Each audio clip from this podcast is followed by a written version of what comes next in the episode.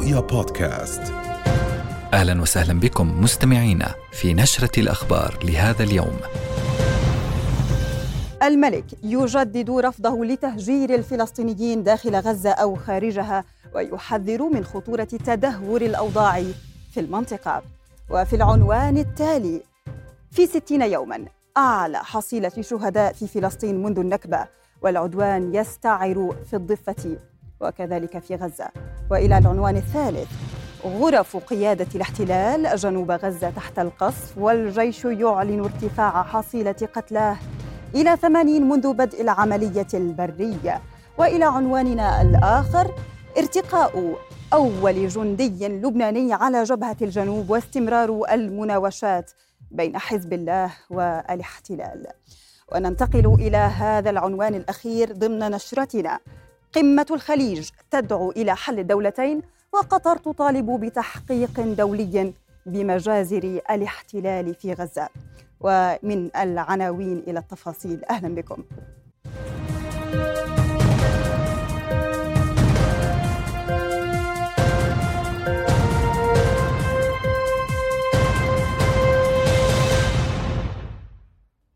أهلا بكم.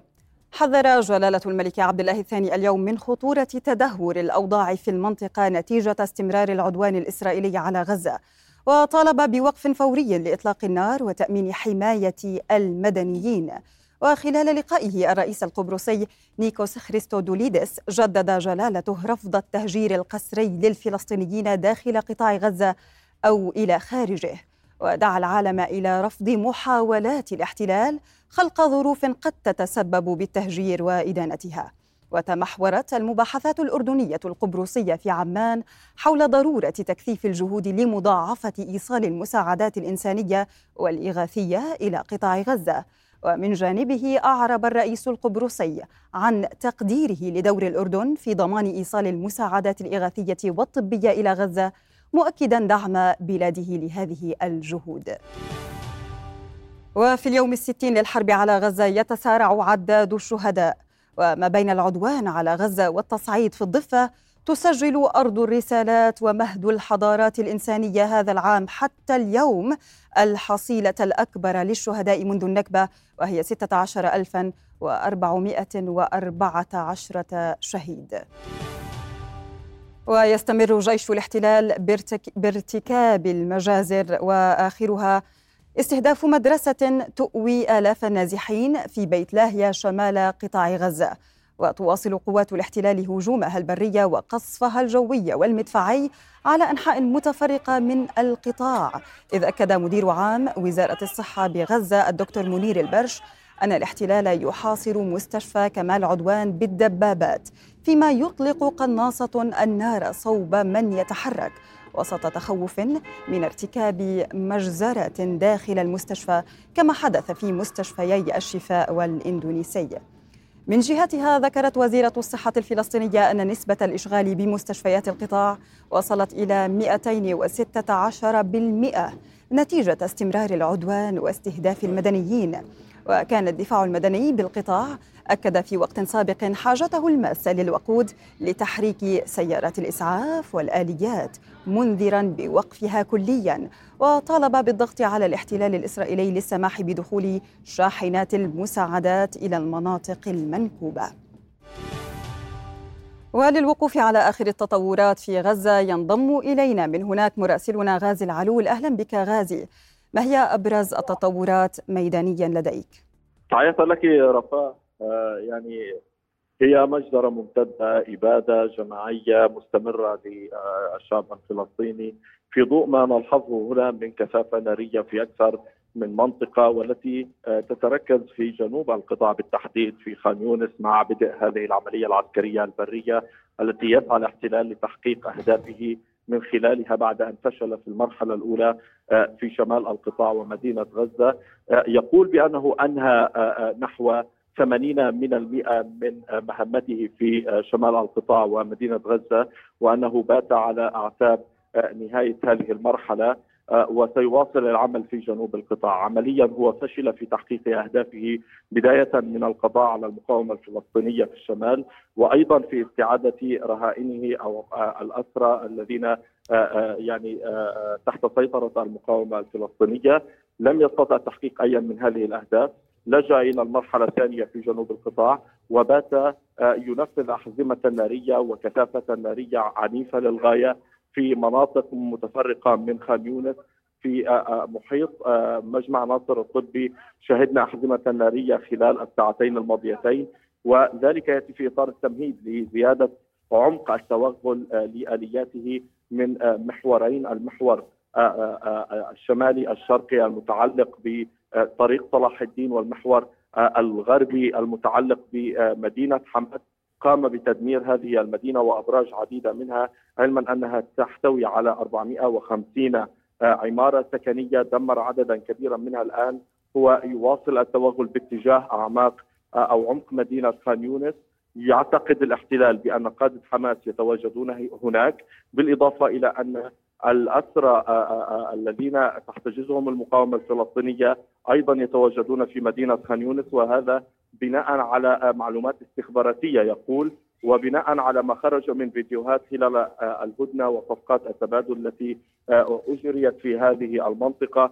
كانت خان يونس هي المنطقة الأبرز التي خرج منها عدد كبير من الأسرى الإسرائيليين ولكن هذا لا يثبت ابدا فكرة أن الأسرى موجودون في جنوب القطاع. بالتالي هو يحاول تحقيق هذه الأهداف من خلال ترويع الناس تهجيرهم ودفعهم باتجاه جنوب أو أقصى جنوب القطاع بالتحديد مدينة رفح، الليلة الماضية كانت عنيفة للغاية في خان يونس، الأمر الذي دفعنا كصحفيين لمغادرة المكان على اعتبار أن مجمع ناصر الطبي بات نقطة نعم، حمراء نعم. وان السيناريو الذي بما أنك تحدثت عن هذه الجزئية اسمح لي أن أتطرق لجزئية النزوح وبما أنك أحد النازحين من خان يونس إلى رفح كيف تصفها هل هي تأتي كما كانت من شمال غزة إلى جنوبها صف لنا الأحوال كذلك إنسانيا حيث أنت يعني آه، رفاه دعيني أبدأ بها آه، شعوريا. فكرة الابتعاد عن المنزل أكثر فأكثر من محافظة إلى محافظة هي فكرة آه، متعبة للغاية لا يستطيع المرء تقبلها. ولكن على الرغم من ذلك هي رسالة الصحفي الفلسطيني الذي سيواصل العمل ايا كانت الظروف، نحن توجهنا بمبدأ السلامة المهنية، التواجد في نقطة حمراء في منطقة صراع ومنطقة استهداف مباشر تعتبر مخاطرة كبيرة، هذا الأمر دفعنا كصحفيين جميعا لكل القنوات لكل الوكالات في الخروج والتوجه إلى أقصى الجنوب، نحن نتواجد الآن أمام بوابة المستشفى الكويتي في منطقة تل السلطان أو ما يعرف بمنطقة دوار زعرب هذه المنطقة تعتبر بالتأكيد منطقة ليست آمنة كليا. شهدت كثير من الاستهدافات خلال فترة هذه الحرب ولكن هو أو هي النقطة الوحيدة التي استطعنا التواجد فيها بعد مغادرة مجمع ناصر. الأمر مرهق للغاية. فكرة الخروج من مكان اعتاد المرء عليه صعبه للغاية. هذا أيضا ينعكس على طبيعة النازحين الذين جاءوا من شمال القطاع من أقصاه بيت حانون بيت لاهية جباليا ووصلوا الآن إلى آخر نقطة في القطاع جنوبا منطقة رفح وحدود الحدود المصرية هذا دفعهم للتفكير أين ستكون المرحلة المقبلة.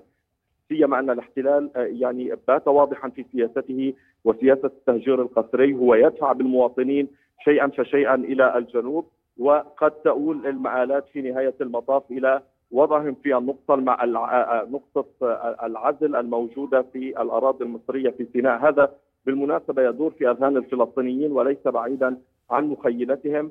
هم يعتقدون بأن من رحل من شمال القطاع ووصل به الحال إلى جنوب القطاع من الممكن أن يدفعه الاحتلال بارتكابه المجازر تلو المجازر للوصول إلى هذه النقطة وهو أمر غاية في الخطورة غاية في السوء بالنسبة لهم لا يفضلونه ولكن البحث عن الحياة هو الهدف الرئيسي للفلسطينيين هنا وهذا ربما في نهاية المطاف يدفعهم نعم اتخاذ نعم. مثل هذه الخطوه نعم غازي سلمتم وحفظكم الله وشكرا لكونكم عينا للحقيقة. الله يسلمكم. مراسلنا غازي العلول كنت معنا عبر الهاتف من غزة. شكرا جزيلا لك.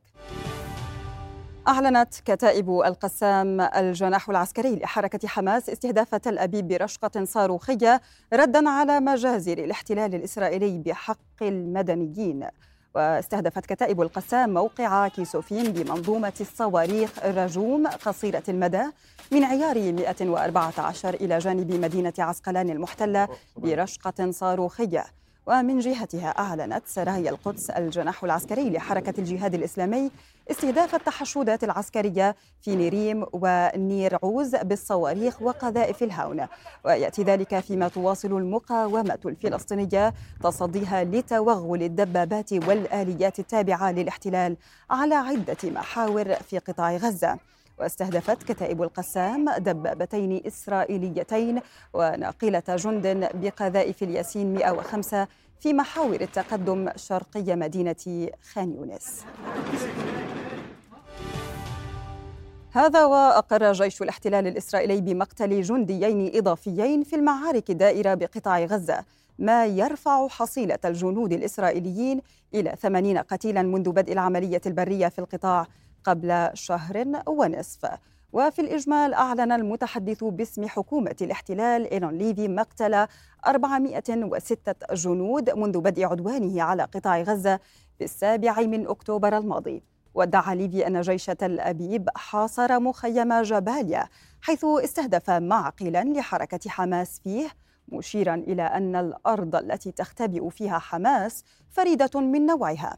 وأكد ليفي التزام تل أبيب بتحقيق أهداف الحرب بما في ذلك إطلاق المحتجزين وإنهاء حكم حماس في غزة على حد تعبيره. قالت الأمم المتحدة اليوم إنها رصدت نزوحا قياسيا للفلسطينيين إلى مدينة رفح أقصى جنوب قطاع غزة هربا من هجمات الاحتلال وتحذيراته المتواصلة بالإخلاء. مراسلنا في غزة رصد واقع النزوح إلى رفح وعاد بهذا التقرير. بعد ستين يوما من بدء هذه الحرب الشرسة على قطاع غزة شهرين من الحرب من القتل من الدمار من التشريد والتهجير. هذا الأمر طال الفلسطينيين الصحفيين هنا الذين تنقلوا للمرة السادسة الآن. هم يتواجدون الآن في آخر المحطة محطة رفح محافظة رفح من أقصى الجنوب. وذلك لممارسة العمل ونقل الصورة من هناك عقب التهديد الذي شهده آه، آه، آه، طبعا مجمع ناصر الطبي ومدينة خان يونس بالكامل خلال الليلة الماضية ما دفعهم بضرورة الإخلاء والتوجه لمناطق أخرى. صحيح يعني رحلة تهجير ونزوح والواحد يعني منا قبل إنه يتحدث باللسان حاله كصحفي بيصرح. يعني أنا واقف وسارح قاعد بسترجع بشريط الذكريات من ال 48 اللي قالوه أجدادنا يتكرر. الفلسطيني لا يعيش النكبة بل آه، يجسدها اليوم ولا يحييها. يجسدها من مشاهد اللجوء والتشرد. ونحن كصحفيين من غزة إلى الوسط إلى الوسط إلى آه، خان يونس واليوم في رفح. نأمل أن تكون هذه المحطة وبعدها إن شاء الله نعود إلى ديارنا. إلى ديارنا إلى مدينة غزة. نعود لا شك أنه أمامنا كثير عمل وكثير شغل أمام الدمار اللي احدثته اله القتل الإسرائيلية. لكن آه، إحنا هذه رسالة لن نتخلى. نترك المكان من مكان لمكان نتركه لكن لن نترك الميدان. هذه هي الرسالة. أشكرك جزيل الشكر. آه، بطبيعة الحال تقطعت بنا السبل في حقيقة الأمر. لم نستطع إيجاد مكان آخر نذهب إليه ونتجه إليه.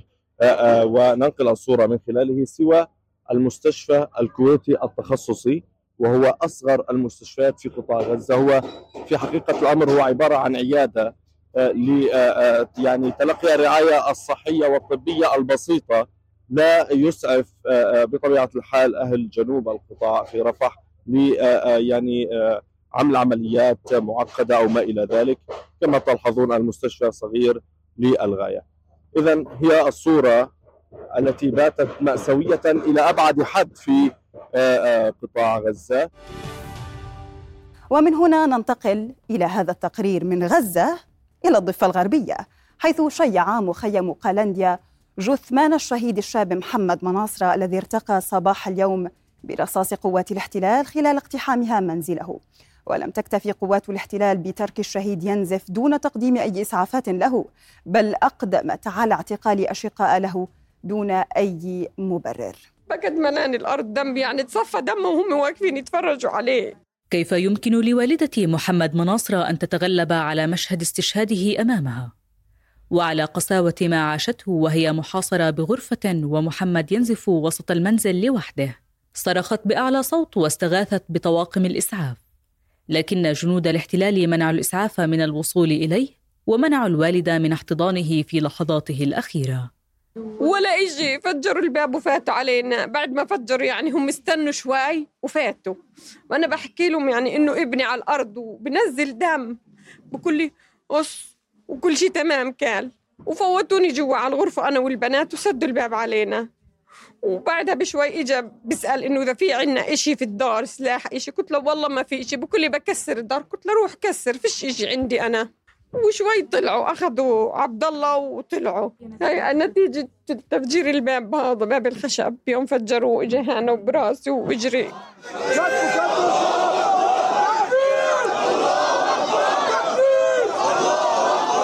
خرج العشرات من أبناء مخيم قلنديا شمال القدس المحتلة لتشييع الشهيد محمد إلى مثواه الأخير. لكن السجن غيب شقيقي الشهيد حسن وعبد الله من تشييعه اليوم. الوضع يعني مأساوي يعني يعني إما قبل شهر شهرين تقريبا فقدت ابن اختها كمان شهيد في مخيم الأمعري محمد رمانة. لسه يعني الجرح يعني ما التأم لسه يعني. إيه، وفي له شقيق الكبير حسن موجود بالسجن. في شهر اثنين اعتقلوه. صار له 10 شهور. نعم صحيح. والاعتقال هذا خلف اصابات اخوه الإسلام إيه، من أثر التفجير. في إصابة ووالدته للشهيد برضه أصيبت. وأخوه الصغير يعني عمره أربع سنوات يعني صار عندي حالة رعب. يبتكر الاحتلال أساليب تعذيب ويبدع في حجم إرهابه بحق الفلسطينيين. تفاصيل مؤلمة عاشتها عائلة الشهيد محمد مناصر صباح هذا اليوم. بعد أن أعدمه الاحتلال في منزله وأمام عائلته. من مخيم قلنديا شمال القدس المحتلة. آية الخطيب رؤيا. اقتحمت قوات خاصة من جيش الاحتلال الإسرائيلي مخيم جنين هذا اليوم مراسلنا افاد بان اشتباكا مسلحا اندلع بين قوات الاحتلال ومقاومين فلسطينيين عقب اقتحام المخيم اسفرت عن وقوع ثلاث اصابات برصاص الاحتلال الحي بينها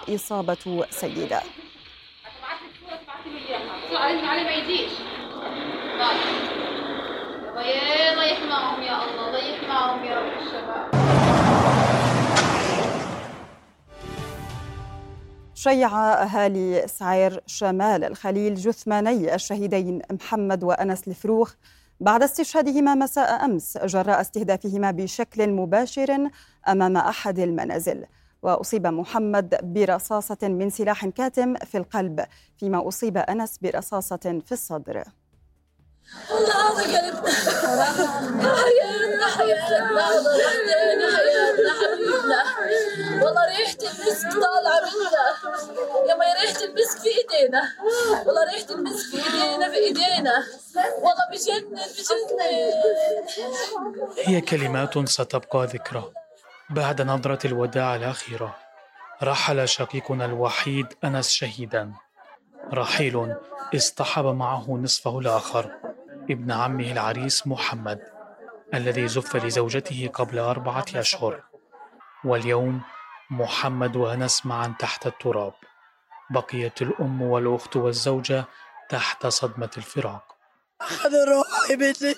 أخذوا قلبي مني. تشترين شو أنس الله سندي بحياتي آه خلاص أنا انتهت حياتي شو ضل اللي في الدنيا ولا شيء اسمه تفتخري فيه كيف شفتيه اليوم ما شاء الله حبيبي يما يا حبيبي يما زي الخزلان زي الخزلان انت بتعرف شو أنا سندي ضارب قلبي خسارة في فلسطين هذول شهداء نعتبرهم عند رب العالمين ربنا خلقهم ربنا أخذهم ربنا أحن عليهم مننا محمد زي ال زي ال زي ال زي الملاك النايم هو تو أنس. النور بده يطلع منهم. نور نور. نور على الدنيا وهم في الدنيا. والله ملائكة الاثنين هذولا هادين. وما جيبوش سيرة حدا. ودايما مؤدبين وزي السجرين وكل إشي. في شعير قضاء الخليل. ارتكب جنود الاحتلال مجزرة بحق عدد من الشبان. كانوا يقفون أمام منزل عائلة الشهيد محمد الذي يصغر أنس بعام واحد. أصيب محمد برصاصة من سلاح كاتم في القلب فيما أصيب أنس برصاصة في الصدر. وبقي جنود الاحتلال يتفرجون على سيل الدماء. فجأة نزلوا الشباب قدام الطخ أول طلق وثاني طلق كان كاتم يعني كان جندي حاقد جدا ما في أي يعني محمد كان نازل من سيارته داخل على دارة والشاب الثاني كان واقف جنبه. ما لهم في الجيش ولا لهم في هاي الشغلات. يعني شباب محترمين جيراني وبعرفهم ما لهم في هاي الشغلات. يعني اغتيال بدم بارد. وين كانت إصاباتكم؟ كانت واحد بصدره وواحد عند قلبه. واحد دخلت في صدره طلعت آه، من عن الجنب كانت إصابات خطيرة جدا. يواصل الاحتلال سياسة القتل في كل الأماكن. يستهدف الفلسطيني بشكل مباشر. أرقام الشهداء في ارتفاع مستمر وقصصهم الحزينة تضاف لسابقاتها. أنس ومحمد أصدقاء في الحياة شركاء في الشهادة. حزن كبير يخيم على بلدة سعير. الاحتلال يواصل ارتكاب الجرائم واغتيال الفلسطيني في كل مكان يتواجد. من سعير شمال الخليل محمد العدم رؤيا وفي جبهة لبنان استشهد جندي من الجيش اللبناني فيما أصيب ثلاثة آخرون بقصف للاحتلال على تلة العويضة في بلدة كفر كلا وفي آخر المجريات الميدانية تعرضت أطراف بلدة بليدة لقصف إسرائيلي بالقنابل الفسفورية كما تجددت الغارات على أطراف بلدات في الجنوب. وكان حزب الله اللبناني أعلن استهداف تجمع لجنود الاحتلال الإسرائيلي في مثلث الطيحات بما سماها الأسلحة المناسبة مؤكدا أنه حقق إصابات مباشرة. وأفادت مراسلتنا بإطلاق عشرة صواريخ من جنوب لبنان باتجاه ثكنة زبدين في مزارع شبعة ينضم إلينا من جنين مراسلنا حافظ أبو صبرة. أهلا بك حافظ. إذا حافظ ما هي آخر التطورات في الضفة الغربية وحيث أنت بالتحديد؟ نعم رفاه الأنظار في الضفة الغربية تتركز إلى هنا إلى مدينة جنين شمال الضفة مع هذا الاجتياح المواصل منذ آه، المتواصل منذ ما يقارب ثلاثة ساعات. ونحن نتواجد عند منطقة دوار السينما وهذا الشارع المؤدي صوب مستشفيات المدينة الرئيسية وبالتحديد مستشفى آه، جنين الحكومي مستشفى الشهيد خليل سليمان حيث يواصل الاحتلال إغلاق هذا الشارع من حيث سيارة الإسعاف وصولا إلى هنا. هناك تواجد لجيبات الاحتلال. والآليات العسكرية التي تمنع حركة مركبات الإسعاف دخولا إلى مستشفى جنين الحكومي وخروجا منها وحتى تمنع حركة الطواقم الطبية. هنا نشاهد تقدم للشبان الذين يتواجدون في محيط هذه المنطقة في ظل تواجد كبير للآليات العسكرية داخل مخيم جنين عند المدخل الرئيسي بالتحديد في منطقة قوس النصر. سابقا هذه هذا تذكار أو هذا الرمز الذي قام الاحتلال بهدمه مسبقا. في تلك المنطقة تركز عمليات الاحتلال إضافة لمجموعة من المحاور داخل المخيم سيما في منطقة حي الدمج هذه الحارة الشهيرة التي يستهدفها الاحتلال في كل اقتحام وفي الاقتحام الأخير اغتال فيها اثنين من أبرز قادة كتيبة جنين. هنا نحن متواجدون منذ ما يقارب الساعة. قبل ذلك كنا عند شارع حيفا الشارع المؤدي إلى حاج السالم العسكري ومن هناك كنا نرصد حتى دخول التعزيزات العسكرية التي يدفع بها الاحتلال في كل نصف ساعة تقريبا. تواجد الآليات العسكرية في محيط المخيم. يتعدى المئة آلية تشارك في هذا الاقتحام. والحديث يدور حتى اللحظة عن عدد من الإصابات من بينها واحدة خطيرة لسيدة في بداية هذه العسكرية. فيما بقية الإصابات وصلت إلى مستشفيات الرازي وإبن سينا وهاتين المستشفيين يعني تشهد تواجدا للآليات العسكرية الإسرائيلية عند مدخلها الرئيس التي تعيق عمل الطواقم الطبية ولكن يستطيع المسعفون الدخول إلى المستشفى وإيصال حالات المصابين والجرحى. رصدنا معكم على الهواء قبل ساعة ونصف تقريبا. عملية إنزال لمرضى وحالة مستعجلة لسيدة فلسطينية حامل مصابة بجلطة وأجبرها الاحتلال على النزول من مركبة الإسعاف وقام بتفتيشها وتفتيش طفلها وزوجها والطاقم الطبي المرافق. وفي المركبة الإسعاف الثانية كان هناك شاب فلسطيني لا يستطيع الوقوف. أجبره الاحتلال على النزول من المركبة وقام بتفتيشه بشكل كامل ودقق في الأوراق الثبوتية للمرضى وللطاقم الطبي. ومن ثم بعد نصف ساعة من الإعاقة سمح لهم بالمرور صوب مستشفى ابن سينا هذه المشاهد تكررت أكثر من مرة ومنذ قليل أيضا كان هناك عمليات تفتيش لواحدة من مركبات الإسعاف على هذا الشارع على بعد 500 متر حيث مستشفى جنين الحكومي. الاشتباكات لم تتوقف منذ بدء الاجتياح مخيم جنين ومحيطه وواصل المقاومون الفلسطينيون التصدي لهذا الاقتحام. رصدنا عدد من الانفجارات ناتجة عن عبوات ناسفة محلية الصنع استهدفت من خلالها آليات الاحتلال العسكرية نعم وهنا حتى نعم. الحركة صارت أكثر سهولة رفاه بما يتعلق بالشبان الفلسطينيين لربما الاحتلال تراجع قليلا في هذه المنطقة وأنه قد يكون انسحب بشكل جزئي من هذا الموقع الذي نتواجد فيه. لا زال الاحتلال يتواجد في محيط شارع حيفا في مواقع محيطة بالمخيم من حيث حارة الهدف على الجهة المقابلة للجهة التي نتواجد فيها عند المدخل الرئيسي وفي حارة الدمج في الجزء الشرقي من مخيم جنين. نعم مراسلنا حافظ أبو صبرة لك جزيل الشكر حافظ. شكرا لك.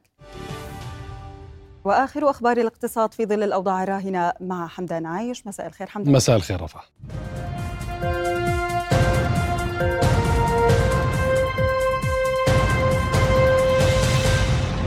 أهلا بكم إلى أخبار الاقتصاد ونبدأها مع توقيع الأردن والإمارات اتفاقية تعاون لتطوير محطة طاقة رياح بقدرة 1 جيجا وات بنظام بطارية لتخزين الطاقة ومذكرة تفاهم لدراسة جدوى تطوير محطة للهيدروجين الأخضر في المملكة. وجرى التوقيع على هامش فعاليات مؤتمر كوب 28 بين وزارة الطاقة والثروة المعدنية وشركة أبو ظبي لطاقة المستقبل مصدر. اليوم تم توقيع مذكرة تفاهم لدراسة إمكانية استغلال الهيدروجين الأخضر بالمملكة الأردنية الهاشمية وهو حقيقة هذه من المواضيع الهامة جدا بالنسبة لنا حسب رؤية وتوصيات رؤية التحديث الاقتصادي وحسب استراتيجيتنا إحنا بقطاع الطاقة تشجيع استخدام الهيدروجين الأخضر وأن يصبح الأردن مركز لإنتاج الهيدروجين الأخضر وتصديره ويكون يبني على الإنجازات اللي تم تحقيقها بمجال الطاقة المتجددة. تم توقيع أيضا اتفاقية لتطوير مشترك ما بين شركة مصدر ووزارة الطاقة والثروة المعدنية في المملكة الأردنية الهاشمية لتطوير واحد جيجا وات من مشاريع الطاقة التي تعمل بالرياح وهذه إن شاء الله راح تكون مشاريع تطور على أماكن ومناطق مختلفة ومحافظات مختلفة في المملكة الأردنية الهاشمية. قال رئيس الوزراء الدكتور بشر الخصاونة إن الحرب على غزة كان لها تأثيرات على النشاط الاقتصادي ومؤشرات بعض القطاعات ولا سيما القطاع السياحي الذي تأثر بشكل لافت. وخلال استقباله مديرة الوكالة الأمريكية للتنمية الدولية سامانثا باور أكد أن الأردن على المسار الصحيح لتعزيز استقراره الاقتصادي والمالي. بدورها أكدت مديرة الوكالة أن مسيرة التعاون والشراكة مع الأردن لتنفيذ المشروعات والبرامج التنموية امتازت على الدوام بالشفافية والمصداقية وأسهمت في تمكين الأردن من مواجهة التحديات الاقتصادية والتنموية. في خطوة لدعم الإنتاج المحلي زار وزير الزراعة خالد حنفات جمعية مزارعي الكاكاو والتفاحيات الأردنية. وتجول الوزير في مصانع لإنتاج فاكهة الكاكا التي زرعت لأول مرة في الأردن في عام 2011 مزارعون طالبوا وزارة الزراعة بتوفير حماية من المنتجات المستوردة فيما توقعت جمعية مزارعي الكاكا والتفاحيات الأردنية أن يصل الأردن إلى مرحلة الاكتفاء الذاتي خلال سنتين حيث تنتشر مئة ألف شجرة من مختلف مناطق المملكة بخاصة في الشفا غورية والصحراوية. ويقدر حجم الإنتاج ب 1700 طن فيما تبلغ حاجة المملكة نحو 3000 طن وتعتبر شجرة الكاكا من الأشجار المعمرة. يصل عمرها إلى 40 عاما وتنتج من 50 إلى 70 كيلوغراما في ذروة إنتاجها بعد السنة الثامنة من زراعتها ما يجعلها ذات مردود اقتصادي عال.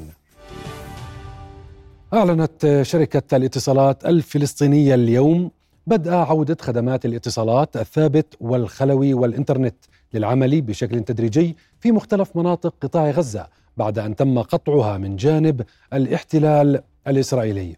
وقالت هيئة قطاع الاتصالات الفلسطينية في بيان إن هذا هو الانقطاع الرابع للاتصالات عن قطاع غزة بشكل متعمد منذ بدء الحرب. قالت وزارة الاقتصاد الوطني إن 29% من المنشآت الاقتصادية في الضفة الغربية أغلقت بشكل كامل أو جزئي خلال شهر تشرين الثاني الماضي. وأوضحت الوزارة في تقريرها أن عدوان الاحتلال على غزة منذ السابع من تشرين الأول أكتوبر الماضي أدى إلى توقف شبه كامل للمنشآت في قطاع غزة. فيما تراجعت مبيعات الغالبية العظمى من المنشآت بمتوسط وصل إلى 54 و16% كما سجل قطاع الخدمات أعلى تراجع في عدد العاملين. لم تغب القضية الفلسطينية عن قمة المناخ كوب 28 حيث سيضطر استئناف العدوان على غزة أو سيطر استئناف العدوان على غزة في هذا المؤتمر على كلمات الرؤساء المشاركين. الوفد الفلسطيني كان حاضرا في أعمال المؤتمر رغم المخاوف التي تسيطر عليهم نتيجة العدوان على غزة حيث أصروا على المشاركة لإيصال قضيتهم إلى العالم وفق طريقتهم. وشهد جناح دولة فلسطين في المؤتمر اقبالا كبيرا من المشاركين وعبروا عن تضامنهم مع الشعب الفلسطيني وافتخارهم بوجود الجناح في المؤتمر ويحتوي الجناح على عرض متواصل لفيديوهات وصور فوتوغرافيه تستعرض استهداف الاحتلال للقطاع البيئي في فلسطين خاصة ما يحدث في قطاع غزة من كارثة بيئية وصحية والمجازر. What does it mean climate justice for you? What does it mean international law for you while Palestinians are killed with cold blooded and everyone's just watching? We were hesitating to come till the last moment, but then uh, after all the um, uh, the, the change in the agenda. We felt that it's our responsibility to show up here and at least to see to say our side of the story. كشف الكرملين أن الرئيس الروسي فلاديمير بوتين سيناقش مع ولي العهد السعودي الأمير محمد بن سلمان أوضاع سوق النفط خلال زيارته المرتقبة إلى السعودية غدا الأربعاء كريملين قال إن المباحثات ستتركز على التعاون داخل تحالف أوبك بلس الذي يضم 13 دولة من منظمة البلدان المصدرة للنفط أوبك وعشرة حلفاء آخرين بقيادة روسيا.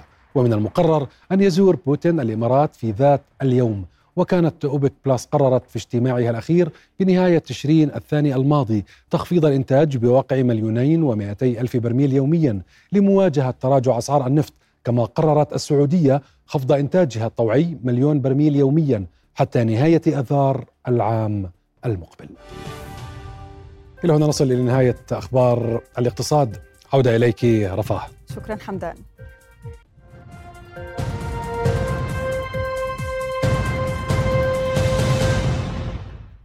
أهلا بكم من جديد. أكد البيان الختامي للقمة الخليجية الرابعة والأربعين التي عقدت بالدوحة اليوم ضرورة وقف التصعيد في قطاع غزة واستهداف المدنيين الفلسطينيين وتهجيرهم قسرا وصولا لوقف كامل للحرب على قطاع غزة. وناشد البيان المجتمع الدولي لوقف إطلاق النار وحماية المدنيين الفلسطينيين مطالبا بإنهاء الاحتلال ودعم سيادة الشعب الفلسطيني على جميع الأراضي المحتلة منذ حزيران عام 67 ودعا إلى إنهاء الحصار المفروض على القطاع مشددا على ضرورة أن يتحمل المجتمع الدولي مسؤولياته دون ازدواجية في المعايير.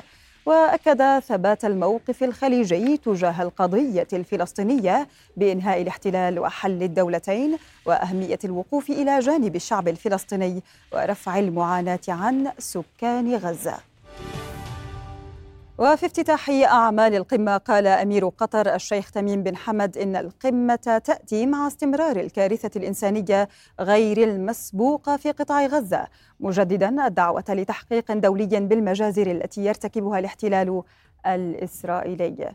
رئيس الوزراء وزير الخارجية القطري محمد بن عبد الرحمن آل ثاني قال إن بلاده مستمرة في بذل الجهد لعودة العمل بالهدنة وإطلاق سراح الأسرى. مؤكدا أن الهدف الأساسي هو وقف الحرب في قطاع غزة. وأكد آل ثاني أن الجهود لإيصال المساعدات إلى غزة مستمرة بطريقة أكثر سلاسة وتنسيقا. وشدد على أنه من غير المقبول استخدام المساعدات لمحاولة تركيع الشعب الفلسطيني في غزة. وتأتي القمة عقب انتهاء الهدنة الإنسانية في القطاع الجمعة الماضية التي استمرت سبعة أيام تزامنا مع موقف خليجي وعربي متصاعد يطالب بوقف الحرب. أما في هولندا فرفعت منظمات حقوقية دعوى قضائية ضد الحكومة الهولندية بسبب تزويدها قطعا لمقاتلات اف 35 ما يؤكد الانتهاكات للقانون الدولي في قطاع غزة. وترتبط القضية بقطع مقاتلات اف 35 مخزنة في مستودع في هولندا. يتم شحنها إلى مختلف الشركاء بما في ذلك كيان الاحتلال بموجب اتفاقيات التصدير القائمة. إحدى المنظمات وهي أوكسفام نوفيب قالت إن صادرات قطع المقاتلات تجعل هولندا متواطئة في انتهاكات قوانين الحرب والعقاب الجماعي للسكان المدنيين في غزة. ومن المتوقع أن يصدر الحكم في القضية في غضون أسبوعين. تنظم في الأثناء وقفة تضامنية نصرة لغزة تحت عنوان أمريكا رأس العدوان. انطلقت من أمام مسجد عباد الرحمن من منطقة الأسوافية في العاصمة عمان. ومن هناك ينضم إلينا مراسلنا أسامة بليبلي. أرحب بك أسامة. هل لك أن تطلعنا على تفاصيل هذه الوقفة وما هي أبرز مضامينها؟ نعم رفاه يعني بالفعل بعد صلاة العشاء من مساء هذا اليوم كان هنالك وقفة احتجاجية أمام مسجد عباد الرحمن في منطقة السويفية في العاصمة عمان.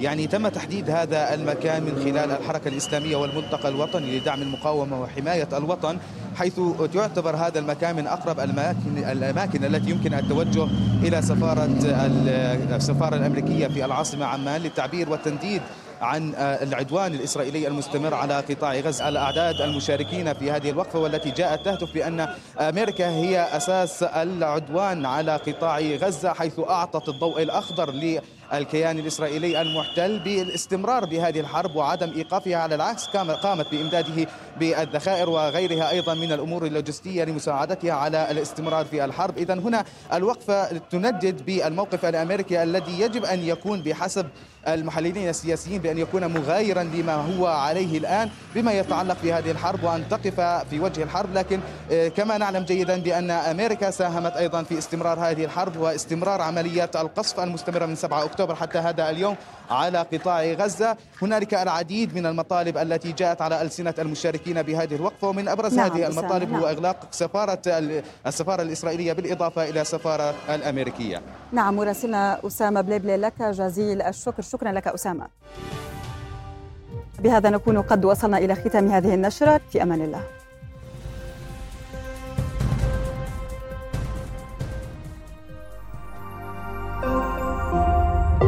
رؤيا بودكاست.